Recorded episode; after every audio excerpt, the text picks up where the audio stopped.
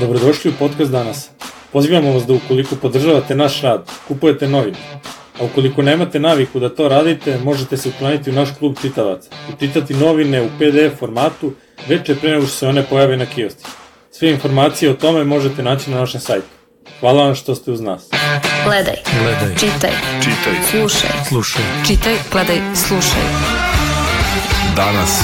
Danas podcast. I to pod jedan. Primer lažnih vesti i neprofesionalizma. Nikada proverljivija informacija. I danas ovo govorim takođe zbog toga što mi u vladi Republike Srbije, poštovani građani, svaki dan ovo trpimo od jednih pa ti istih medija.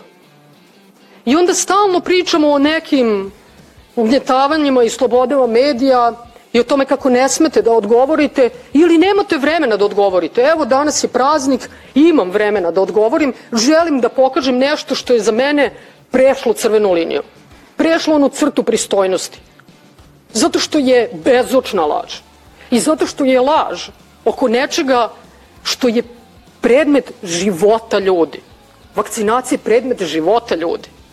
I oko toga se ne libe da lažu. Zbog čega? Zbog politike.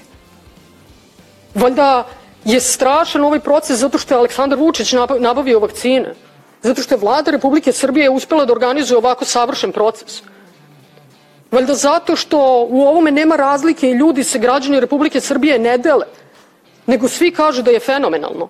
Pa sad treba da unizite taj proces. Danas. Podcast. Čuli smo jedan isečak sa vanredne konferencije premijerke Ane Brnabić koja je organizovana povodom vesti koju je objavila televizija N1 da su ljudi dobijali poziv za vakcinaciju, a da punkt u Bel Expo centru nije radio. Ja sam Vojislav Stojisavljević, a sa mnom su danas dve moje koleginice, novinarke Safeta Biševac i Tamara Skroza. Počeo bih od toga da premijerka jedne države saziva vanrednu konferenciju da bi se obračunala sa novinarima zbog jedne vesti. Pretpostavljam da ste pratili konferenciju, kako vama to izgleda? Pa, s obzirom na to da živimo u zemlji u kojoj pojedini mediji, pre svega tabloidi, ali i neke televizije sa nacionalnom pokrivenošću, faktički na dnevnom nivou višestruko krše kodeks novinara Srbije, šire lažne vesti, mržnju prema versku, nacionalnu i mržnju prema političkim protivnicima, meni je potpuno začuđujuće da se nadležni, znači Ministarstvo informisanja, Ministarstvo kulture i informisanja, da se oni znači ne oglašavaju tim povodom, a da premijerka onda organizuje hitnu konferenciju za novinare zbog vesti koja se pojavila na N1. Mislim da je to preterano, nepotrebno, da je to bila čisto politička reakcija i iako Dane Brnabić, otkad je postala premijerka, primećujem da a, ima, ta, ima čini mi se potrebu i dalje, a, iako je ona postala i članica SNS-a i mogu, možemo da kažemo da je visoka funkcionerka SNS-a, ja imam osjećaj kao da ona a, ima uvek i dalje potrebu da se dokazuje svojim naprednjacima. I ona se često tim ob, u obraćanju novinarima i na konferencijama za novinare ona se faktički ponaša kao veći Vučić od Vučića u pojedinim situacijama. Tako da znači mislim da je ovo a, potpuno znači nepotrebno obraćanje, a, da, a, mada mi bismo mogli da diskutujemo sa čisto profesionalnog stanovišta, da li je N1, da, su, da li su mogli da sačekaju sa puštanjem te vesti ili da je prethodno dvostruko provere i sve to. Znači to je sve sad stvar, znači čisto sa profesionalnog aspekta da li je moglo drugačije i bolje da se uradi. Ali, a, tvrditi da je N1 a, da, da ruši a, plan a, vakcinacije, da su to namerno uradili, to je potpuno absurdno. Mislim, jednostavno dešava se ko radi, taj i greši. Ja mislim da je ta konferencija za novinare jedan od, od u nizu poražavajućih happeninga ove, ove vlasti kada su u pitanju mediji, a, a takođe mislim u skladu sa svim ovim što je Safeta rekla, potpisujem apsolutno sve, u skladu sa tim i sa svim onim što premijerka radi medijima i kako se izjašnjava o medijima i kako govori medijima i kako nas pučava i tako dalje, da bi on, da bi neki od njenih savjetnika trebalo da je preporuče da po svaku cenu izbegava da o medijima uopšte priča. Zato što ona o medijima prvo ništa ne zna, E, drugo, smatra ih, njihovu ulogu ne, ne, ne posmatra na pravila način, smatra ih, što i sama rekla, neki od njih političkim protivnicima, što je zaista absurdno, i svaka njena izjava o medijima, ali bukvalno svaka, ne samo ova konferencija, je skandalozna. Tako da mislim da je za nju, prosto za njenu karijeru i za nju, za njen ugled, ako ako toga još ima, ove, zaista preporučljivo da izbegava tu temu i da nekog drugog delegira da o tome priča. A, a ukoliko bi se osvrtala na svaku greščicu zanatsku koja se u medijima dogodi, ja mislim da ovde bilo možda nekog či, sitnog zanatskog propusta, ništa drugo, ništa koji se dešava svima nama na dnevnom nivou, mislim, niko od nas nije bezgrešan normalno. Dakle, kad bi za svaku takvu greščicu organizovala konferencije za novinare, ona ne bi izlazila iz one sale za medije. Dakle, mogla bi kontinuirano 24 sata, 7 dana u nedelji da se izjašnjava ovom ili onom novinaru ili ovom monomediju. A posebno je skandalozno to što je ovaj put, za razliku od ranijih izjava, a često priča o medijima, pokušala da novinare, i to sjajne novinare, edukuje kako bi oni trebalo da rade svoj posao. Mislim da to zaista poražavajuće i, i ako može na nju da, nekako da se apeluje, da ostavi medije na miru, jer mediji nisu njena tema. Evo, obe ste to pomenule, ja bih se sad vratio na tu vest, čisto da i to prokomentarišemo.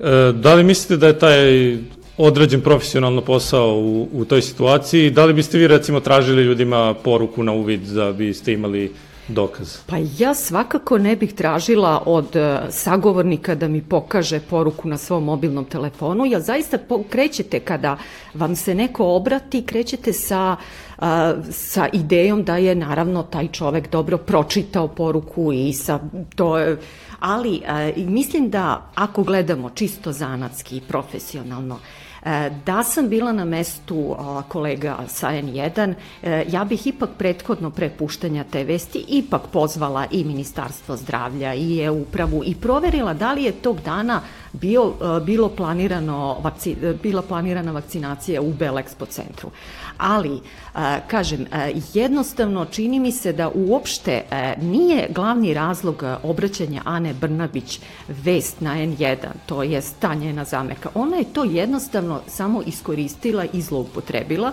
jer što kaže Tamara, jednostavno mi mediji i novinari, normalno je da grešimo, normalno je da, ali a, postoji razlika između toga kada napravite slučajnu, nenamernu grešku i kada vi kontinuirano namerno lažete i širite lažnu propagandu.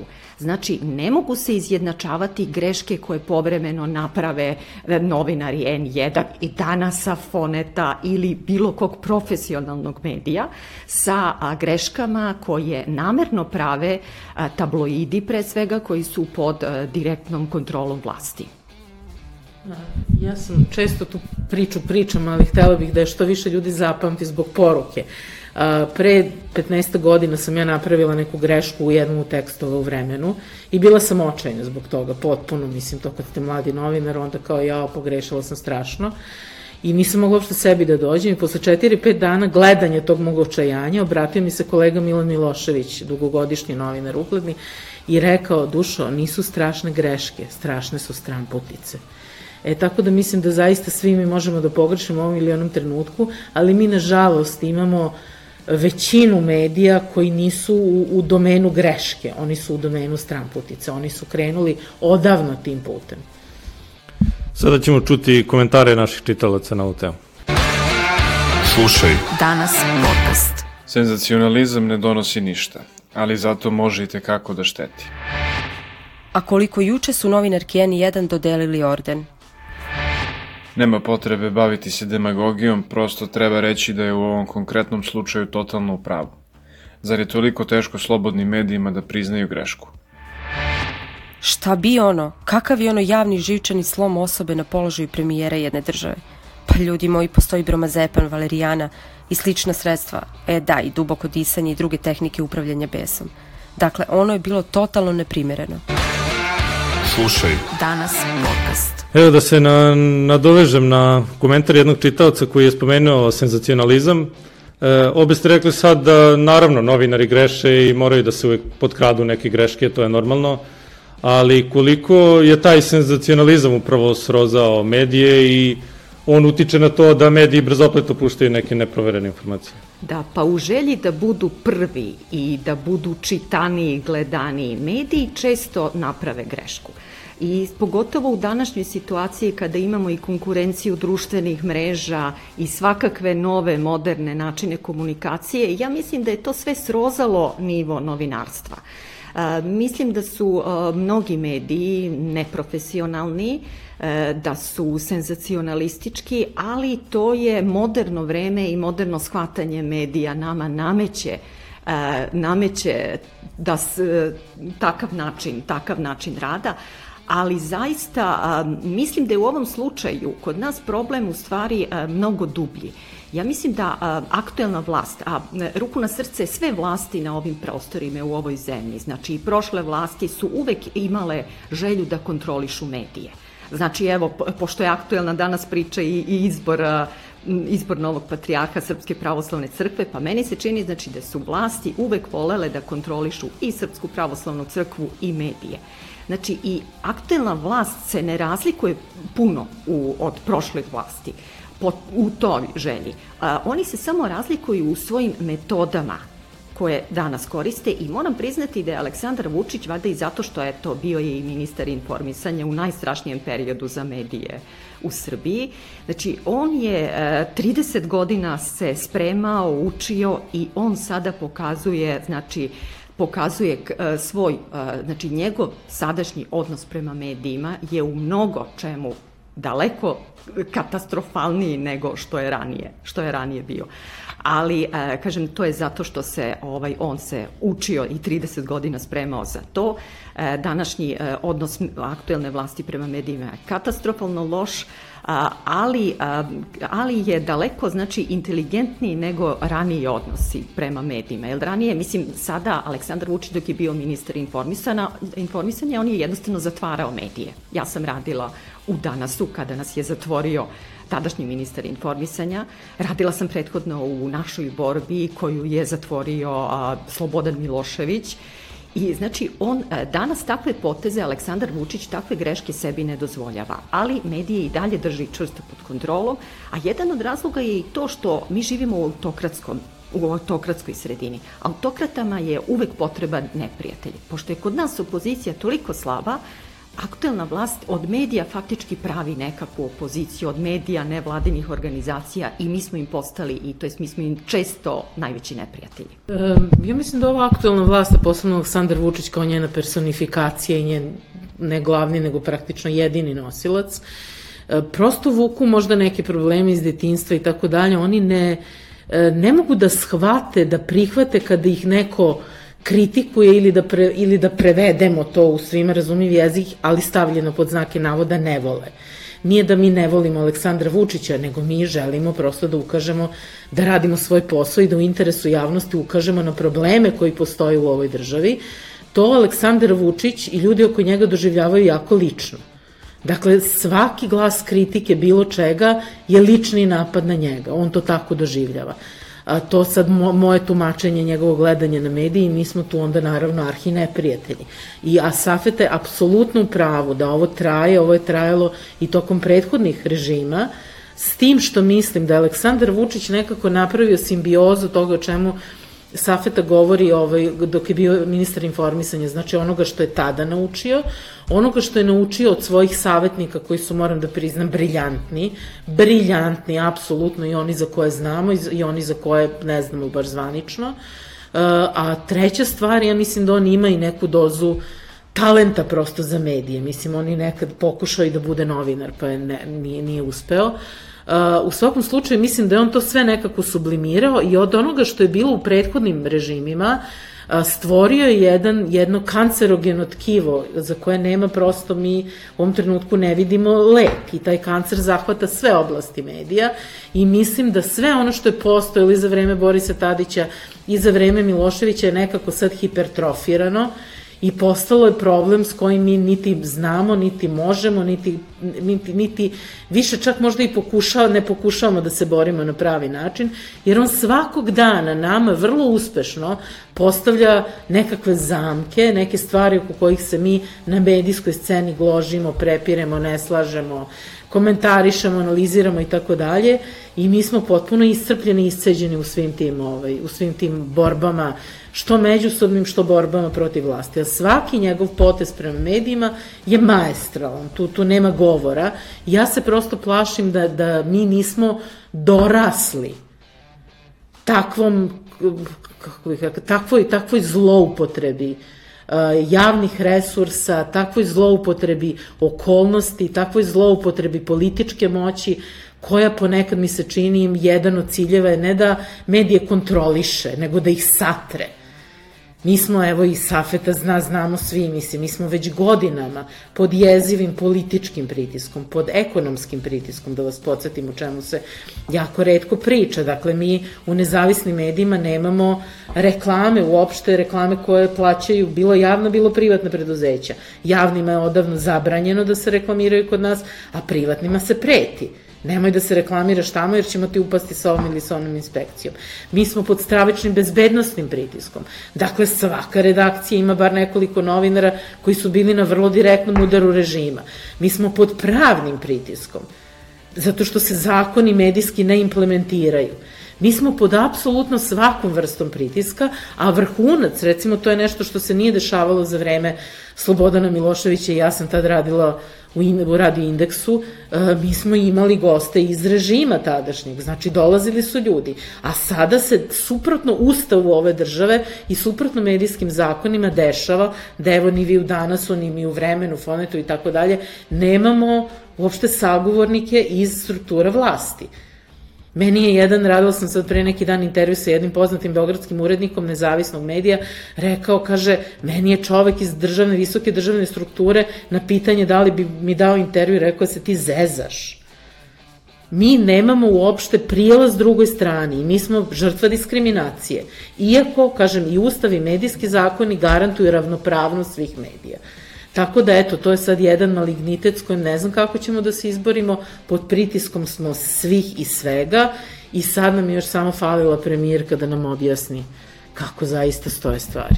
Evo, ovo sad zvuči kao beznadežna situacija, pa me zanima kako, ja sam teo da vas pitam upravo to, ali obe ste već odgovore na to pitanje kako je došlo do te podele medija i novinara na naše i njihove i da li je to nek problem ove vlasti ili je to traja od uvek, ali sad me zanima kako, evo, kako mi da prevaziđemo kao mediji te, te probleme i da li je tu, da li tu ima i naše krivice? Pa ima svakako naše krivice. Ja uvek polazim od toga da a, najpre mi treba da radimo svoj posao onako kako nalaže kodeks novinara Srbije i naša profesija.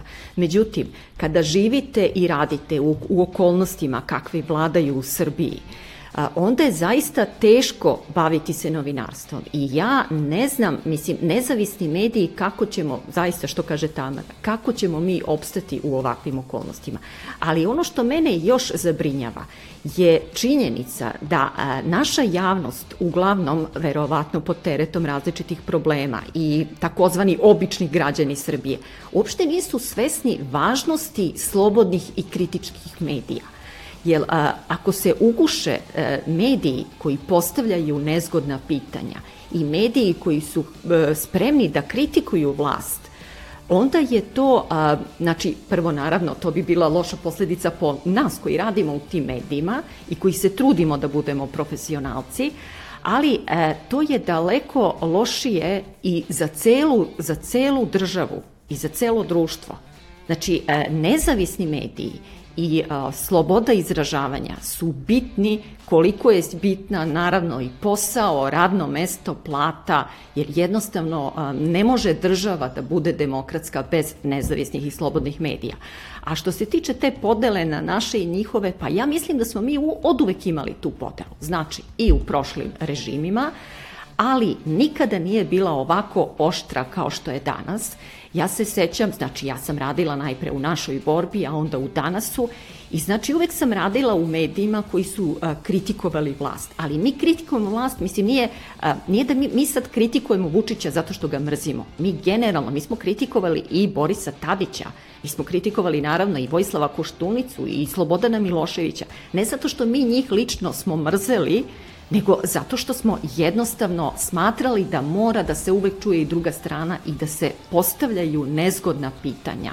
Naš zadatak, zadatak medija je da izveštavaju i da postavljaju nezgodna pitanja. Zaista. Ali kažem, e, nekada i znalo se, znači tačno, znači radila sam u medijima koji su uvek bili ovaj, obeleženi kao protivnici vlasti, da tako kažem ali, e, ali e, znalo se naravno tad, naravno, RTS politika i takvi mediji tradicionalni su uvek bili uz vlast, ali nikada nije bilo neprijateljstvo između novinara, recimo izveštača naše borbe iz Skupštine i izveštača politike iz Skupštine. Znači, mi smo uvek bili kolegijalni, ali sada više te kolegijalnosti nema. Mislim, mi sad smo počeli međusobno da se gledamo kao neprijatelji, pa znate, sad i ova čuvena dodela orde, ordena se tako može posmatrati. Na jednom polu je naravno Jelena Zorić, N1, a na drugoj strani je Gordana Uzelac i Pink. I, mislim, znači, e, to su jednostavno, to je ta podela, znači, na medije naše i njihove, ali najgore je to što, znači, mi sada, nikada nije bilo prozivki kolega iz suprotnih medija kao što ima danas to je ono što je još jedna od loših stvari što se tiče naše medijske scene. Bila je jedna jedina prozivka koja se tragično završila, da. to je prozivka Slavka Ćuruvi u Politici Ekspres. Dakle, ja se ne, neke druge slične prozivke ne sećam, a ono što je napisano u Politici Ekspres u Slavku Ćuruvi je direktno vodilo do onih pucnjeva u, u pasažu njegove zgrade. E, tako da ja moram da priznam da na tragu ovoga što Safeta priča, mislim da smo mi svi zapravo u opasnosti zbog onoga što naše sobstvene kolege o nama pišu, a tokom pandemije se razvila sad i nova tendencija da na konferencijama za novinare kidišu na novinare nezavisnih medija. Nemam drugu reč osim kidisanja, dakle oni svoja pitanja počinju uh, napadima na kolege iz nezavisnih medija, to ne sećam se nije, nije da je ikada bilo. bilo. Toga zaista nikada nije bilo i to je jedna od ovih stavki koja je novitet našeg doba, a koja opet ide u prilog tome da da, ovaj, da, da, da, se, da se mediji satiru, da se mediji polarizuju, da se mi međusobno gložimo i tako dalje i sve to zajedno ne stvara ne lepu, nego ne stvara uopšte podnošljivu sliku medija. Safeta je potpuno u pravu da društvo ne može da funkcioniše bez, bez medija koji će postavljati pitanja. Nažalost, mi više nemamo nemamo podršku građana za našu borbu, jer su naši građani i građanke takođe iscrpljeni svim i svačim, a s druge strane mislim da je problem što su ovi mediji o kojima pričamo i tabloidi i otvoreno prorežimski mediji nekako doprineli spuštanju letvice medijske, kod obi, običnih pod znacima navoda medijskih konzumenata. Dakle, vi, ako, ako vi na dnevnom nivou čitate idiotske naslove koji se pojavljuju u nekim medijima, ako vi na dnevnom nivou pratite ono o čemu i kako izveštavaju Pink Happy i ostalo, pa i RTS, vi jednostavno zaboravljate na činjenicu da su potrebni i drugačiji mediji. Vi ste zaboravili na to i mi ćemo kada sve ovo prođe, ako ikada prođe, morati ozbiljno da se bavimo medijskom pismenošću i nekako oživljavanjem tih naših medijskih konzumenata i njihove potrebe koje oni u ovom trenutku nisu svesni, ali njihove potrebe da imaju e, nepristrasne, normalne medije koji se bave istinitim izveštavanjem, za početak. Da, pa ja sad izlačim zaključak da smo mi onda kao mediji zapravo sami krivi za sve što nam se dešava. Pa ne, mi smo, ne bih se ja sa tim složila, Nije, nismo mi sami krivi, naravno. E, već e, uvek je, ja mislim da kad god govorimo o nekom problemu, uvek je veća krivica na onima koji imaju moć, imaju vlast u svojim rukama. Da, da, samo hteo sam kažem to, svaka vlast želi da kontroliše medije i želi da ima moć. Jest, Ali da. ako mediji to ne dozvole, to nije moguće. Ali je znači stvar da u tome mediji dopustili da, ovo što se dešava. Pa a, neki mediji a, jednostavno su stvoreni da ne budu mediji, već da budu propagandne mašinerije. Znači, e, ja mislim da jednostavno mi, e, znači kod nas, fakt, e, mislim, meni je žao što ovaj naš razgovor ima ovako tu pes, ta, tu pesimističnu notu. Zbog mene. I zbog mene delimično, naravno. Ali jednostavno je medijska situacija takva Da, ako, a, ako a, gledamo medije u Srbiji, znači kod nas jeste profesionalni nivo novinarstva srozan, ali ne zato što mi nemamo dobre novinare, ne zato što mi nemamo pismene ljude, već jednostavno a zato što je situacija takva da ako ste vi a, a, e, klimoglavac, onda vam je bolje da radite u mediju koji će samo hvaliti vlast, hvaliti Aleksandra Vučića, vi ćete imati kakvu takvu platu, možda ćete ići na neko putovanje, znači jednostavno je i naravno nećete biti izloženi nikakvim političkim pritisima. Znači, politička i ekonomska situacija u ovoj zemlji je takva da uništava profesionalno novinarstvo.